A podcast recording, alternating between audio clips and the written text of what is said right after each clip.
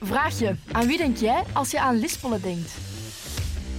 Mijn naam is Camille Spices en ik droom niet van actrices. Maar ja, natuurlijk, dat is de meest bekende lispelende S in Vlaanderen. En die valt ook onmiddellijk zo op in het Nederlands. Het is een lobby. Zijn er dan talen waar lispelen wel gewoon normaal is? Wel, er zijn talen waar inderdaad een lispelende C bijvoorbeeld normaal is in die taal. Die wordt daar zo gebruikt, bijvoorbeeld in het Spaans. I am from Barcelona. En in het Engels bijvoorbeeld is het normaal dat daar een lispelende TH is. thin, throw, and thumb. In het Nederlands wordt eigenlijk in een correcte uitspraak geen lispelende S of geen lispelende klanken toegestaan. Wij zijn de Universiteit van Vlaanderen. En dit is Christian van Lierde. Hier, binnen de vakgroep Spraak, Taal en Gehoorwetenschappen aan de UGent, doet ze onderzoek naar spraak- en taalstoornissen bij kinderen. En ze ontwikkelde ook een behandeling om af te geraken van lispelen.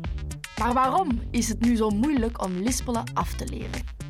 Omdat mensen die lispelen dit waarschijnlijk al heel hun leven doen. En het is altijd heel moeilijk om een verkeerde gewoonte af te leren. Maar hoe ontstaat correcte spraak dan eigenlijk? Wel, het geluid wordt geproduceerd ter hoogte van onze stemplooien.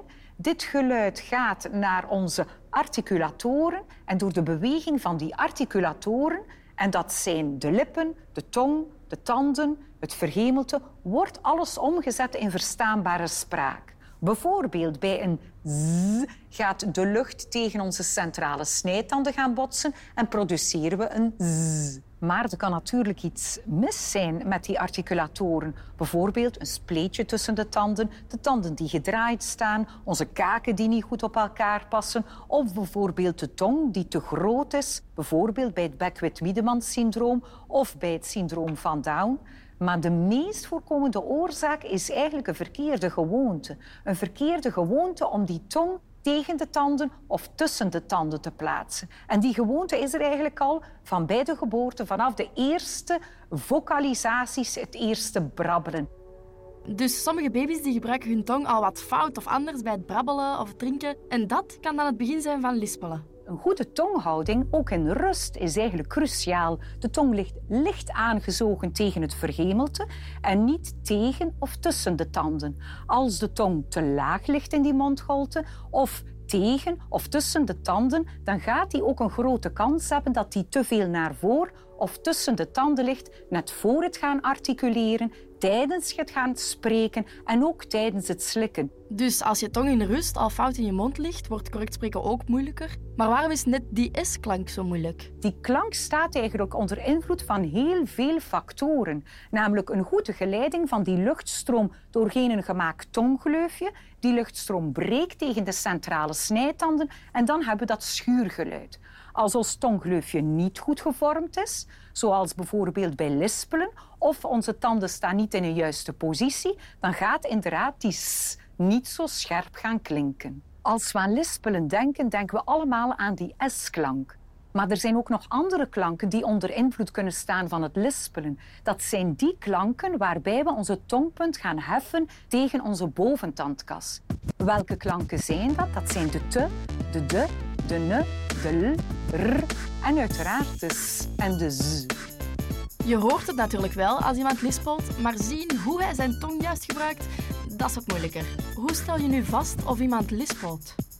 Ik ga nu eigenlijk al die delen gaan bestuderen van je mondholte die belangrijk zijn bij het gaan articuleren. Christian die kijkt dan naar de tong, de lippen, de tanden en de kaak om te zien of daar iets scheelt en ze meet of de tong krachtig genoeg is. Prima, het zijn allemaal normale waarden. Uw vormen zijn normaal, uw beweeglijkheid is normaal, uw tong is normaal.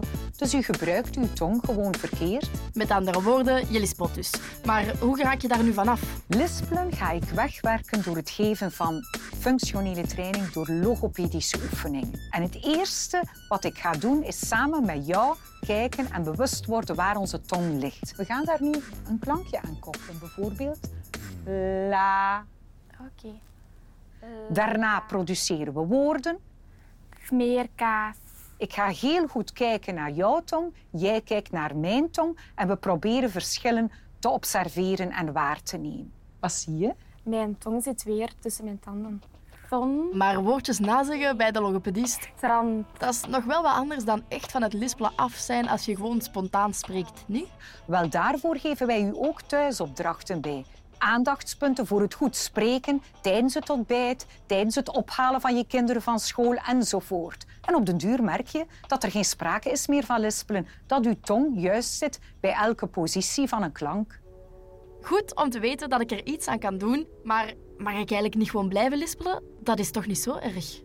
Ho, als je natuurlijk in een voorbeeldfunctie staat, je bent een professioneel stemgebruiker of je moet model staan, zoals bijvoorbeeld een journalist of een kleuterleidster, dan is het wel best dat je je tong op de juiste positie houdt. Is dat niet het geval? Maakt dat deel uit van je persoonlijkheidsstructuur? Heb je daar zelf geen last van? Dat is het zeker geen handicap of een beperking. Dus dan is dat helemaal niet erg.